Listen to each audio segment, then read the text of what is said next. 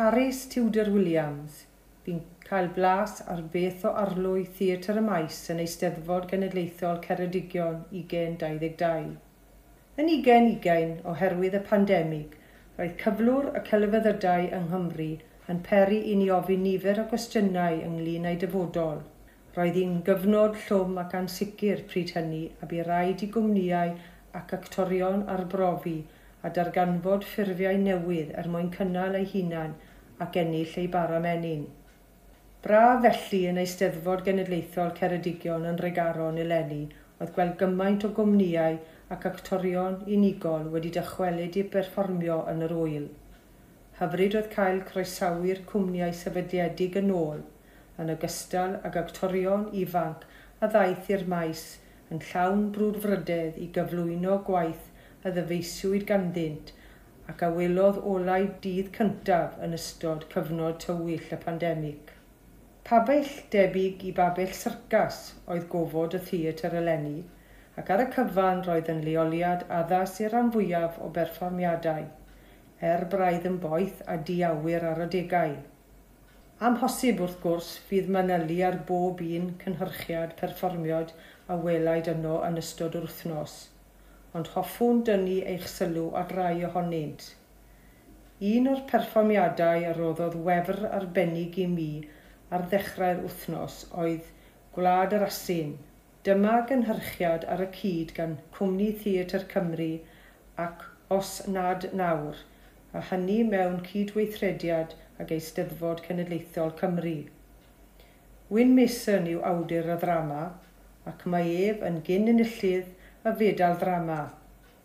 Steffan Donnelly oedd y cyfarwyddwr ac ef bellach yw cyfarwyddwr artistig y Theatr Genedlaethol.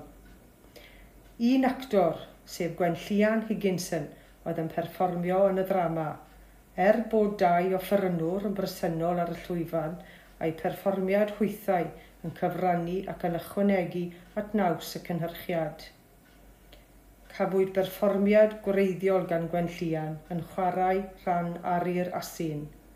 Fe hoeliodd ein sylw trwy gydol y perfformiad a llwyddodd i'n tywys i frigolion bywyd asyn mewn byd sy'n cael ei ddomenyddu gan fodau dynol hunanol a chil ei gweledigaeth.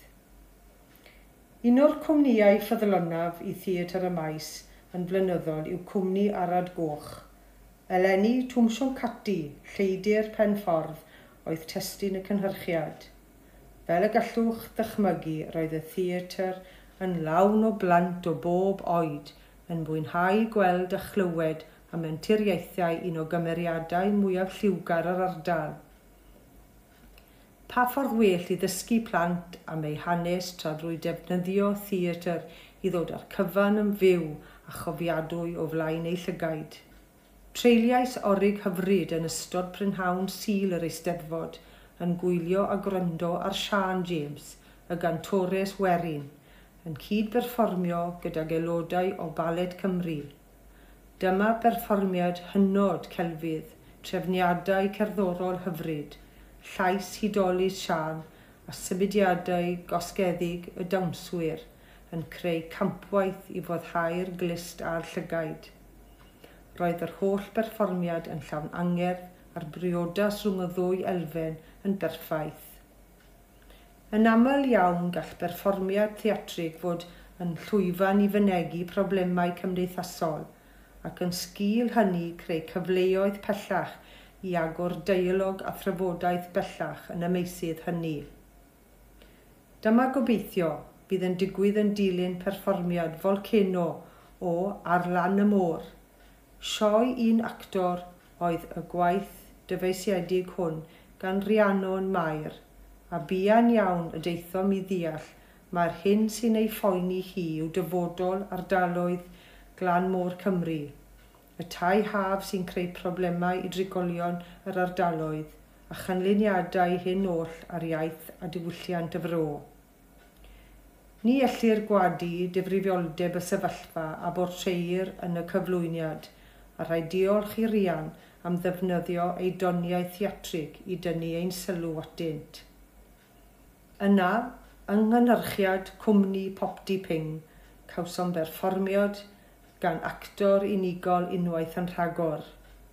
Yn y cyflwyniad hwn, bipolar fi, clywsom Ceriash yn trafod ei phrofiad o fyw gyda'r anhwyldar deibygynol – Cafwyd perfformiad onest, didwyll a hynod deimladwy ganddi ac fe ddysgais llawer am hanfoddion y cyflwr. Tybed a wnaeth y perfformiad hwn arwain a drafodaeth pellach yn eich misg i geisio sicrhau dealltwriaeth ehangach o'r cyflwr ungol hwn. Cyn cloi, mae'n rhaid i mi dalu teirnged i gwmni'r gwter fawr – a chwmni licris all sorts am ei perfformiadau yng ngystadleuaeth actio drama fer. Dyma ddau gwmni sy'n cystadlu'n flynyddol yn yr Eisteddfod ac yn llwyddo i ddenu cynulleidfaoedd niferus i'w perfformiadau ar bob ychlysur. Diolch iddyn nhw am eu teyrngarwch. Wrth sôn am deyrngarwch, credaf ei bod yn ddyletswydd arnom ni oll i gefnogi gweithgareddau celfyddydol Cymraeg yn y flwyddyn sydd i ddod. Yn arbennig felly pan ystyriwn fod yr esgyd ariannol yn gwasgu yn dynach nag erioed.